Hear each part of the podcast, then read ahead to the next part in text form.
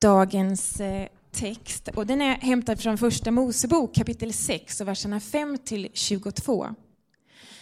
Gud såg att människans ondska var utom kontroll. Folk tänkte ondska, fantiserade om onda ting, ont, ont, ont, från morgon till kväll.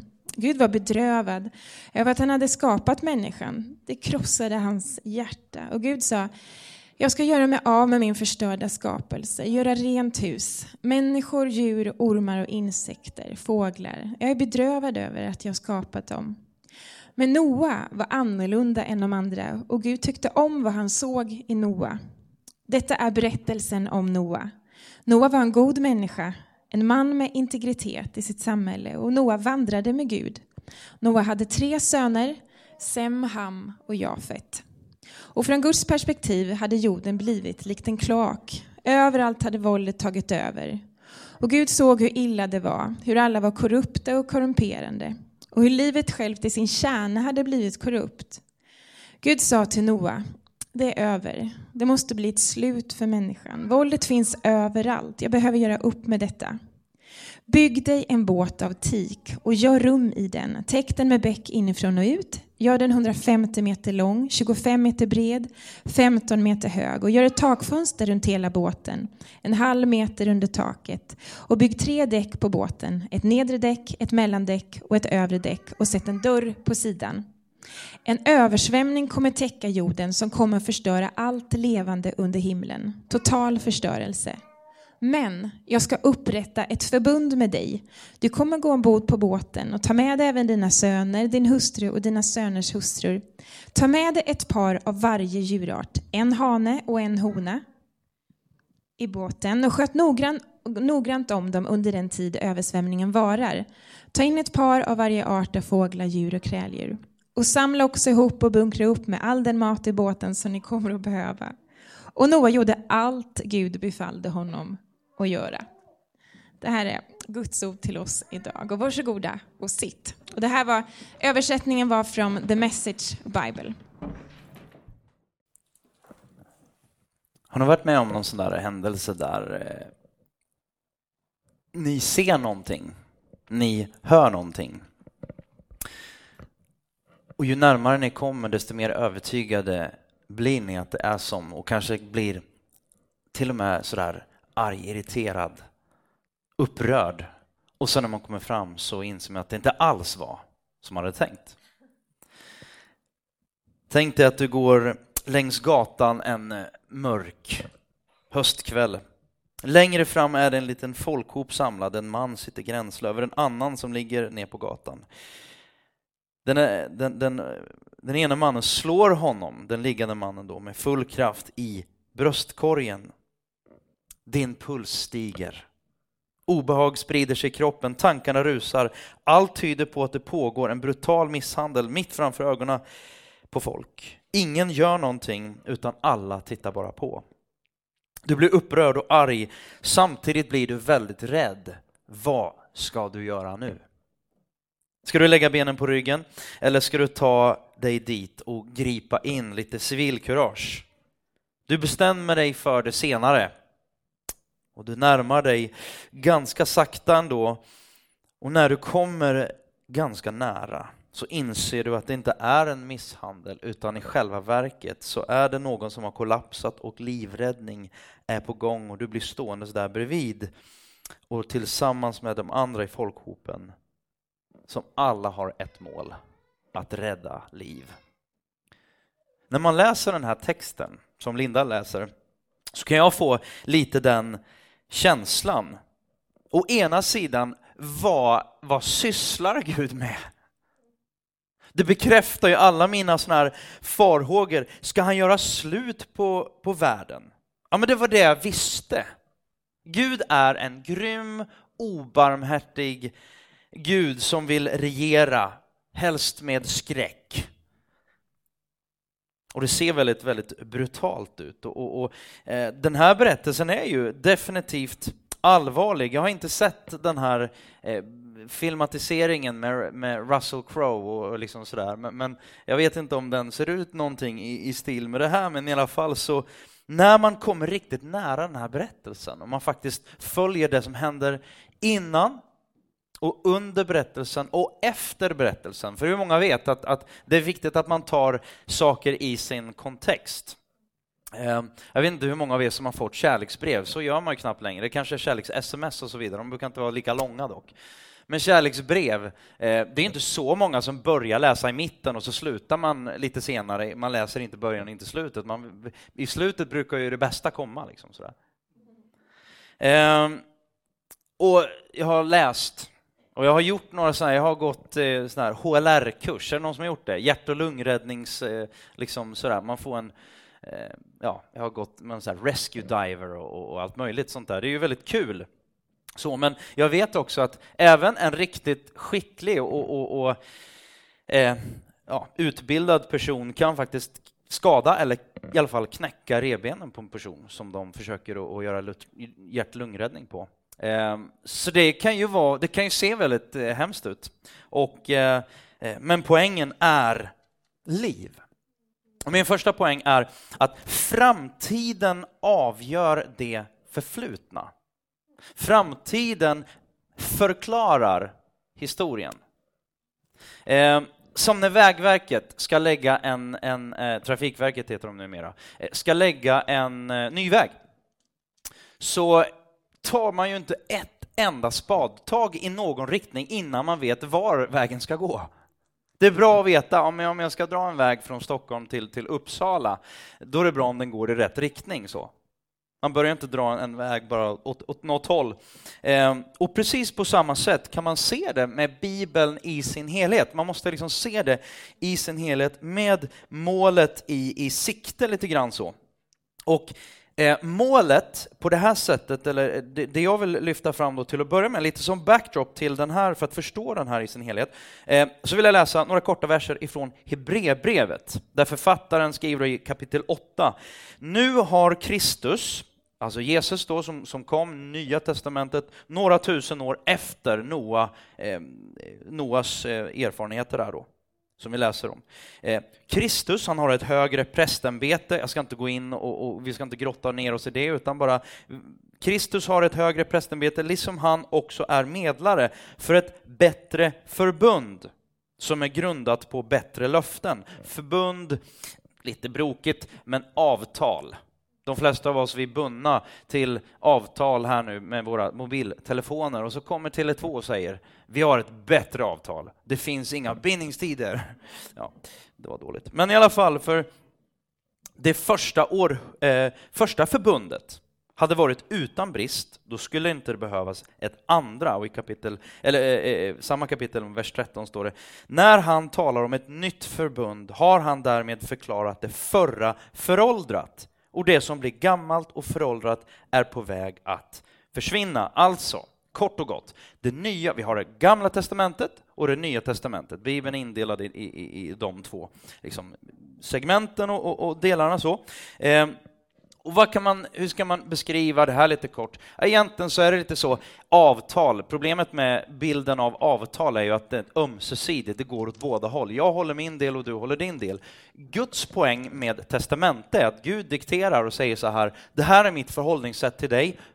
Och det nya förbundet handlar om, det här är mitt förhållningssätt till dig. I stort sett vad du än gör så kommer jag vara trofast i alla fall. Ehm, så lite, lite kort, ehm, om, om det då. Och egentligen måste man läsa hela Gamla Testamentet utifrån den här vägriktningen och förhållningssättet av det nya förbundet för att förstå det gamla förbundet. För det är inte så att Gud byter så här, han är en dålig och ond Gud, en arg Gud i Gamla Testamentet och så är han en snäll och god Gud i Nya Testamentet. Gud är en väldig, helig, ren, rättfärdig, alla de här ganska svåra orden. Men han är, han är full av kärlek mitt i allt det här. Ehm, men så jag, jag förstår, det här, här, kan bli lite tekniskt och så, men jag, jag, vi försöker att röra oss vidare. Men, men på något sätt så bara, okej, okay, vi förstår då att i ljuset av frälsningen, i ljuset av Jesus Kristus, i ljuset av ja, men påsken då till exempel, där, där, där Jesus blir korsfäst, dör och uppstår, som Bibeln talar om, på den tredje dagen, eh, för att vi ska få leva och få del av det, det här nya bättre förbundet då. Det nya bättre avtalet. På något sätt så måste man läsa Noas story utifrån det, den berättelsen och det, förståelsen av det. Ehm, och det är väl så att om Gud dirigerar, om han är Gud, så, så beskriver Bibeln då eh, att han på något sätt, eller min, min, mina ord, och dirigerar historien utifrån framtiden. Så han dirigerar det som händer kring Noa utifrån det som kommer hända i våran värld då, 2000 år senare eller något sånt.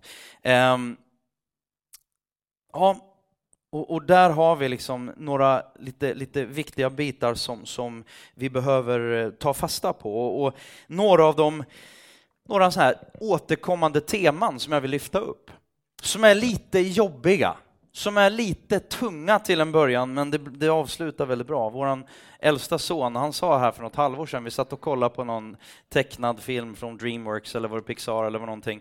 ehm, och så säger han så här att ja, jag vet, det är riktigt dåligt nu. Det, det, är liksom, nu är det riktigt mörkt och nu är det eländigt, men jag vet att det alltid måste bli sämre innan det blir bättre. Och på något, någonstans så bara, ja, men lite så är det. Och, och, när jag sa, jag, vet inte, jag kan inte dra så långt, men, men det var ju sådär typiskt när man var barn, så sa man så här, men det, det är inget roligt.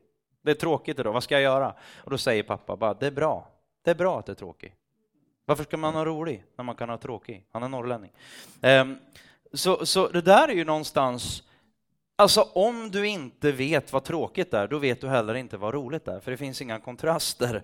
Ehm, och om det inte finns något elände, ja men hur ska du då kunna bli räddad ur det eländet? Det är liksom Bibelns poäng någonstans. Och Bibelns berättelser då tar upp de här jobbiga sakerna som inte riktigt alltid går hem, eh, eller kanske inte riktigt är sådär politiskt korrekt då, 2015 i Sverige speciellt då.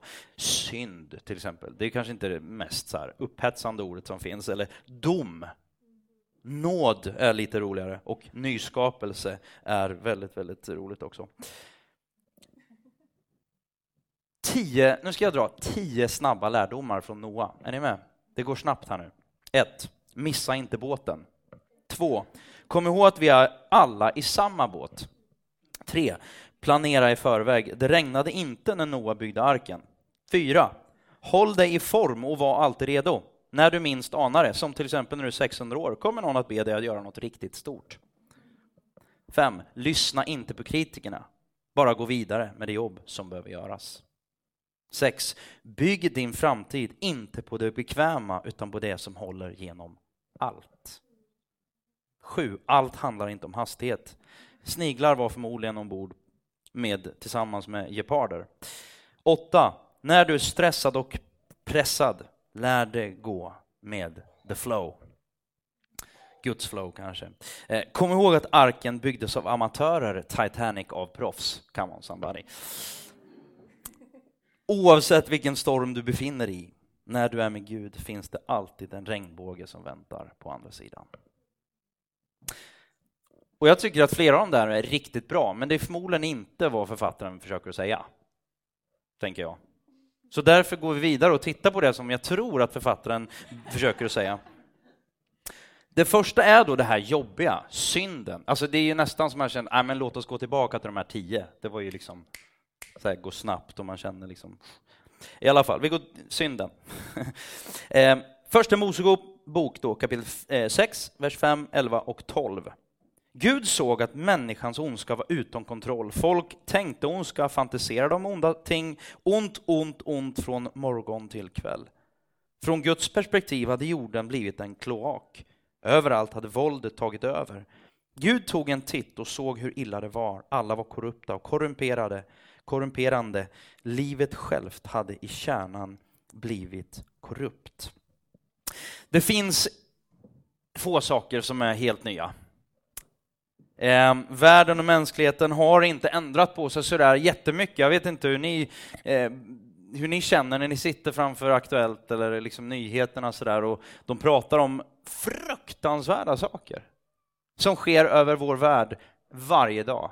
Det är alltifrån människor som flyr krig och, och, och, försöker ta, ta sig över Medelhavet och många drunknar på vägen och, och ända från det och, och, och, och Isis i, i ja, men det, det, det är fruktansvärda saker som du och jag inte kan sätta oss in i, till mobbing på skolan till det ena med det andra och vår egen tragiskhet. Och det är så lätt att vi, vi, liksom, nej men vi, vi, vi blundar för allt sånt och, och vill gå tillbaka till de här tio snabba som, som kan hjälpa mig. Eh, men det står också i Bibeln så här, du som håller ut till slutet ska bli frälst. Det kan ju vara trevligt så här under predikans gång. Eh, men jag tror så här, jag har faktiskt inte mött någon människa som är helt Ja, det kanske finns någon. Men jag ska återkomma till det, för det finns någon. Jag tror inte att någon människa helt är utan en medvetenhet om sin egen skuld. Om sin egen ondska eller skevhet, vi kan sätta olika ord på det. Eh, och jag tror att de här frågorna, de är de är i allra högsta grad existentiella. Jag tror att någonstans så, så bär vi eh, omkring på vår otillräcklighet, i alla fall alla föräldrar jag känner. Man känner sig otillräcklig. Och inte bara så här, min tid räcker inte till, utan jag räcker inte till. Mitt tålamod räcker inte alltid till. Så är det för mig väldigt ofta. En del i vårt samhälle ser ingen annan utväg än att avsluta sitt eget liv. Så mycket bär man på en skuld, en, någonting som, som, som dränerar en. Och jag tror så här, vare sig vi kallar oss ateister eller baptister eller något annat ister,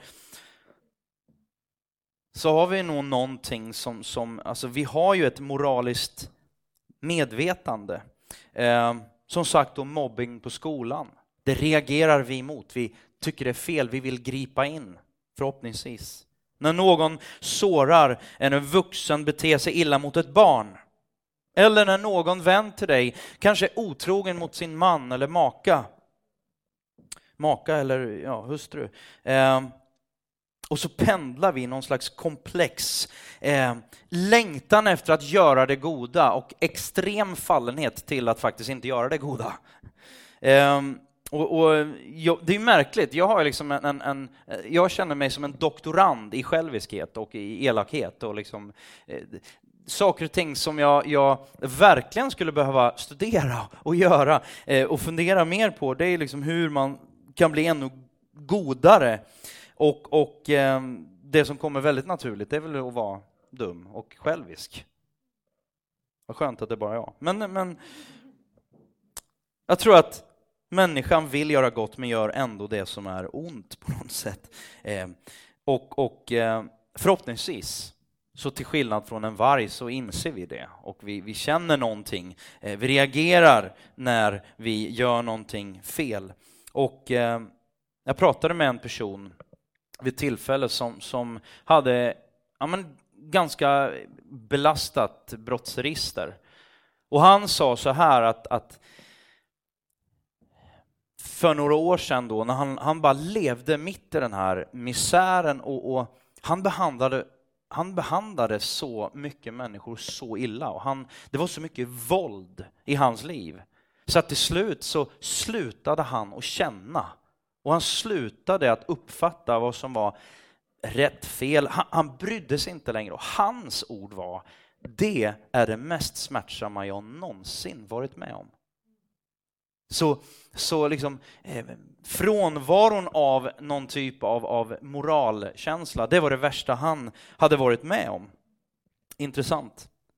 Jag tror ju, därför att Bibeln talar om att vi är skapade till Guds avbild, vi är skapade till människor att leva i gemenskap med varandra och i gemenskap med honom och i symbios med den här världen. För det innebär ju också att någonstans så finns det någonting av Gud i oss.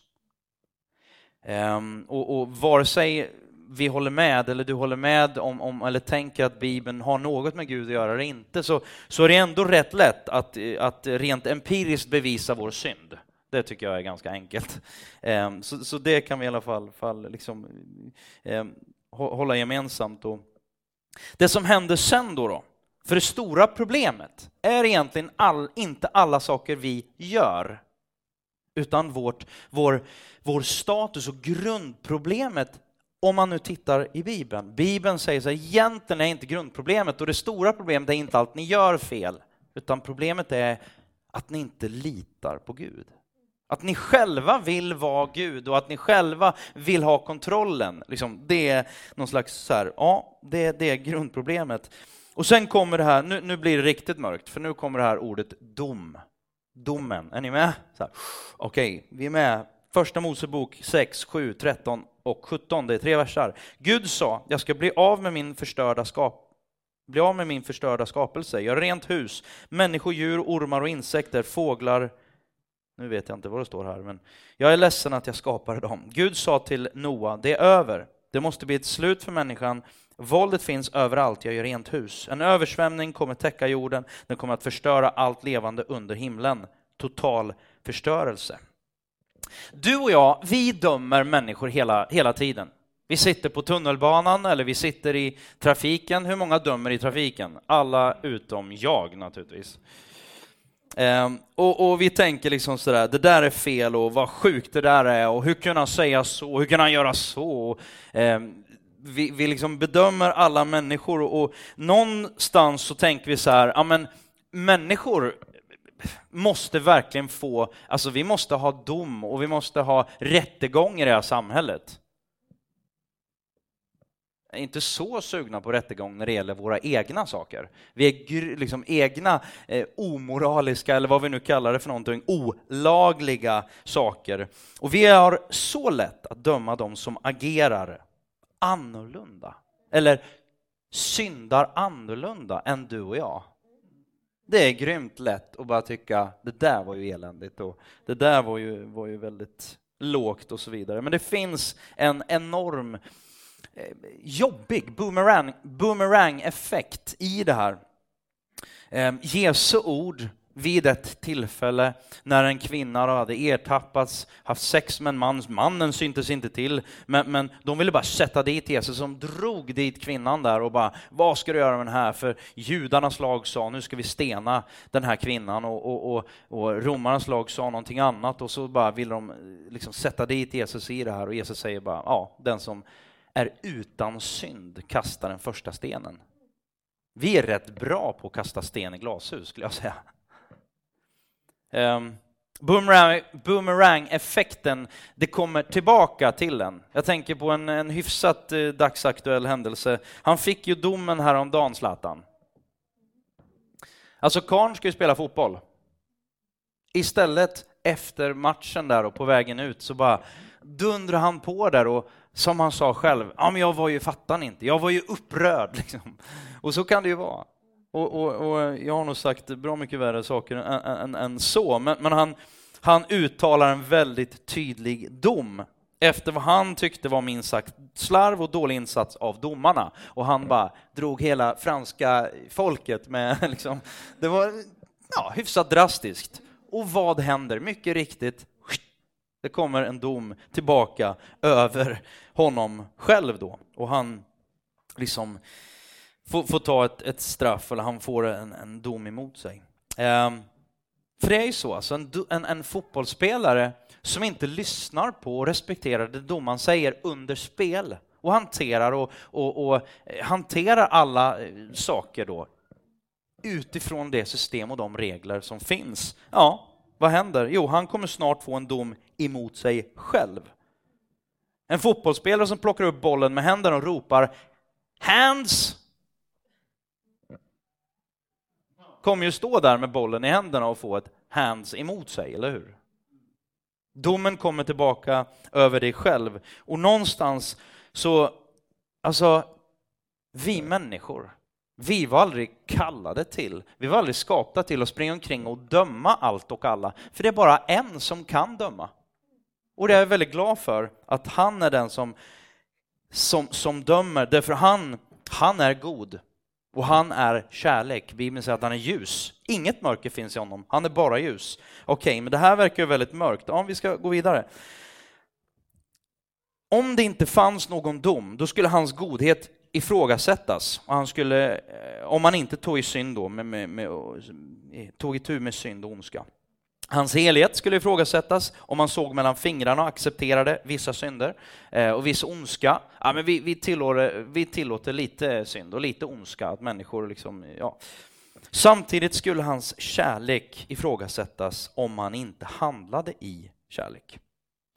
Och, och, där får du ju en konflikt. Gud måste, liksom, Gud måste få till det här, det, det, eller få till, men, men, han kan inte ha en relation med människor som, som lever i sin kloak, då, som, som den här översättningen beskriver.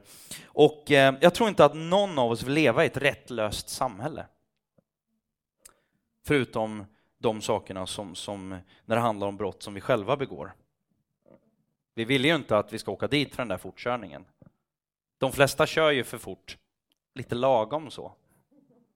Ja, men nedladdning av illegala filmer, filer, liksom, eh, eller illegala filmer, kanske legala filmer, men, men eh, själva nedladdningen är kanske inte legal. Faktum är att, att Gud dömer synden och ondskan, det är vårt hopp och vår tröst. Därför att Gud har lovat, en dag ska det inte finnas någon ondska mer. En dag så kommer jag att göra upp med allting men det finns frälsning. Och där kommer då det här fantastiska ordet in då, nåd. Nåden kommer in. Ehm, för läser man vidare, så i början så är det så här, en väldigt mörk och, och, och, dyster bild av, av en, en hård Gud på något sätt. Men läser man vidare mot målet, mot riktningen som vi pratar om, eh, så, så ser man ganska så snart att i ljuset av Nya Testamentet, i ljuset av, av, av Jesus helt enkelt, så ser vi Gud som ger sin enfödde son i utbyte. Hans liv i utbyte för hela mänsklighetens liv.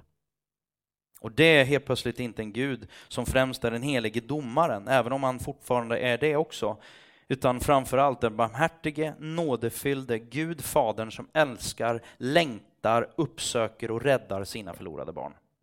Det är Gud. Och så kommer vi till det här då, nåden. Och så står det i, i vers 8, 18 och 22. Men Noa var annorlunda. Han hade funnit nåd inför Herrens ögon. Gud gillade vad han såg i Noa men jag ska upprätta ett förbund med dig. Du kommer vara ombord på båten och även dina söner, din hustru, dina söners hustrur kommer med dig. Och Noa gjorde allt som Gud befallde honom att göra. Hur kan människan finna nåd inför Gud? Hur kan människan räknas rättfärdig inför Gud? Färdig i rätten, rättfärdig. Jag, jag är liksom klar, min relation med Gud, jag har inga problem i den. Jag, jag, jag, helt plötsligt så är den här domen inte överhängande. Jag har läst, jag vet inte om det är sant, men jag har läst, eh, så jag tror att det är sant, att president Clinton under sina sista 24 timmar som president i USA benådade sin egen bror som satt eh, på eh, ja, 71 års fängelse, något sånt, för vad det nu var, droginnehav och allt vad det var för någonting. Så under sista timmarna, det var inte för att brodern inte hade gjort det här dåliga, utan bara för att han var president och för att presidenten kan benåda. Så det var väldigt cheeky att göra det under de sista 24 timmarna som president. Ehm, och någonstans, vi vet ju, alltså, eh, om vi läser tidigare, vi har ju här är ju del nummer åtta i den här undervisningsserien om Genesis, första Mosebok, eh, så ser vi att Gud har givit, han har gett nåd till Adam, Eva, Kain och, och så vidare då. Men här blir konceptet ännu tydligare. Han sluter ett förbund med Noa. Han säger det här kommer aldrig att hända igen. Nu, eh, jag, jag kommer ta hand om dig, jag kommer att och, bevara och beskydda dig och jag kommer bevara här säden liksom på något sätt till den fortsatta mänskligheten. Faktum är att Noa, vi kan inte läsa att Noa säger någonting någonstans. Det står bara om Gud och vad han gör, och det är ju så, den tydliga huvudrollsinnehavaren i texten är ju inte Noa utan Gud. Um, och det är han som ger nåd och, och, och, och räddar. Och, och, nåd någonstans, om man bara nämner någonting om det. Alltså nåd, vad är det för någonting? Ja, det är någonting som man inte, det är inte lön för mödan. Då är det inte nåd. Nåd är någonting som man per definition inte förtjänar. Så som Bill Clintons bror. Han hade gjort fel och han hade blivit dömd för det, men han fick nåd. Ehm, och eh, en annan intressant sak tycker jag då, det är den här arken, den här båten. Det finns inga master, inga segel, inget roder. Eh, och någonstans så, så bara arken, den här, den här båten, den navigeras inte av Noa själv, utan av Gud. Och Noa tvingas bara, li, bara lita, mitt i stormen så tvingar han, tvingas han att bara lita på Gud. Tvingas att, att lita på att det här kommer att bli bra till slut. Um, och precis som, som en ark på torra land, ibland kan man ju tycka att våra, våra kyrkor, våra församlingar, de är lite som den här arken på, på, på torra land. Och det vi pratar om, jag kan känna så själv. Bara så här, det, vi, det vi pratar om, det är som att prata om, om arken på torra land. Jag tror inte att det är made mycket sens för Noa själv. Någon, vi vet att, att det var hundra år ungefär mellan att han fick, eh, ja, fick det här tilltalet och, och, Gud sa till honom att han skulle tills att floden verkligen kom. Hundra flipping år. Han hade lite tid på sig att bygga den här, den här arken. Men tänk dig vilken oerhörd uthållighet. I filmen när jag har sett på någon trailer så när, de, när de jagar upp stämningen och börjar attackera honom och bara tror att den här... Eh, ja, vi vet ju inte exakt hur det var, men, men det som är tydligt är ju att, att folk runt omkring, de, de fattar ju inte ett skvatt av vad Noa gjorde. De tyckte att han var helt galen, står det i Nya Testamentet, om Noa. De tyckte han var galen. Helt, liksom, vad fanns det för Fanns det inget vatten? Fanns det inga floder? Fanns det inget hav? Fanns det ingenting där? Men han gjorde som Gud hade sagt någonstans. Eh, och naturligtvis, jag tror att det fanns många frågor. Säkerligen många tvivel, men någonstans bara en uthållighet och han trodde på vad Gud hade sagt. Och det kallar Gud för, det gjorde honom till rättfärdig. Avslutningen då nyskapelsen. Och då vill jag läsa från Nya Testamentet och Andra Korintierbrevet där aposteln Paulus skriver de här verserna, två versar från kapitel 5, vers 17 och 18. Om någon är i Kristus, och då skulle man kunna säga så här, om någon är i arken, bara för att göra den dragningen då. Om någon är i Kristus är han alltså en ny skapelse. Det gamla är förbi, något nytt har kommit och allt kommer från Gud som har försonat oss med sig själv genom Kristus och gett oss försoningens tjänst. Försoning, det är sånt där ord som man kanske inte använder varje dag, men, men det handlar om att, att återställa. Se till att din och min relation, vi är okej okay med varandra. Vi har, vi har eh, stått i clinch med varandra, men nu har vi försonats. Vi når varandra, vi kommunicerar, vi, vi, vi kan ha en relation med varandra. Och när Noa kommer ut ur, ur båten så är det liksom, det är vår. Livet eh, liksom spricker upp igen och, och det är en, nya, en, en bild på den nya skapelsen. Och, eh, hela egentligen det som man kan konkludera och prata om, alltså hela berättelsen om Noa och arken, det är ju egentligen en berättelse om vad som komma skall. Det finns elände i världen, men Gud ger en ark, en, en utväg, en, en, eh, ja, en båt som mitt i stormen kommer att och hela tiden ha kvar och, och, och bevara och beskydda säden, liksom. bevara och beskydda de här fröna som, som ska bli en ny skapelse. Eh, och Noa och hans familj fick ge nytt liv åt hela världen och släppte ut alla djuren och, och, och, och det växte därifrån. Våran församling och, och, och, och kyrkan, i min värld så, så är kyrkan och, och United, United Stockholm, varför startar vi en, en ny kyrka? Får man göra det har jag fått frågan. Eh, ja, det får man tydligen. Är det enkelt? Är det liksom självklart? Nej, det är nog inte särskilt sådär jättesjälvklart och bara någon, någonting som man gör från, från en höft. Men varför? Varför skapar vi? Varför planterar vi? Varför vill vi se en, en ny kyrka. Vi, vi vill inte bara se en ny kyrka, utan helst, vi skulle se, vilja se många små kyrkor eh, växa, växa upp runt om i den här staden. Som på något sätt, även om det ser ut som att de är en liten ark mitt i öknen, eller en ark mitt i skogen, ehm, så tror vi att det får innehålla någonting. Och det vi lutar oss på är inte vår egen förträfflighet eller vår egen duktighet eller kyrkan liksom sådär, det ska vara perfekt. Och, och, och eh, om vi istället säger så här, vet ni vad? Vi är fullständigt felbara människor, men det finns en Gud som älskar oss och som vill ta oss dit vi ska vara en dag. Men det beror inte på mig och mina gärningar, utan det beror på att jag tror. En sån typ av kyrka det vill jag vara med och se växa ut över den här staden. Att vi ska få se en ark, eh, att vi ska se, få, se många, eh, många små båtar eh, eh, ta sig runt om i den här staden. Jag tar och avslutar där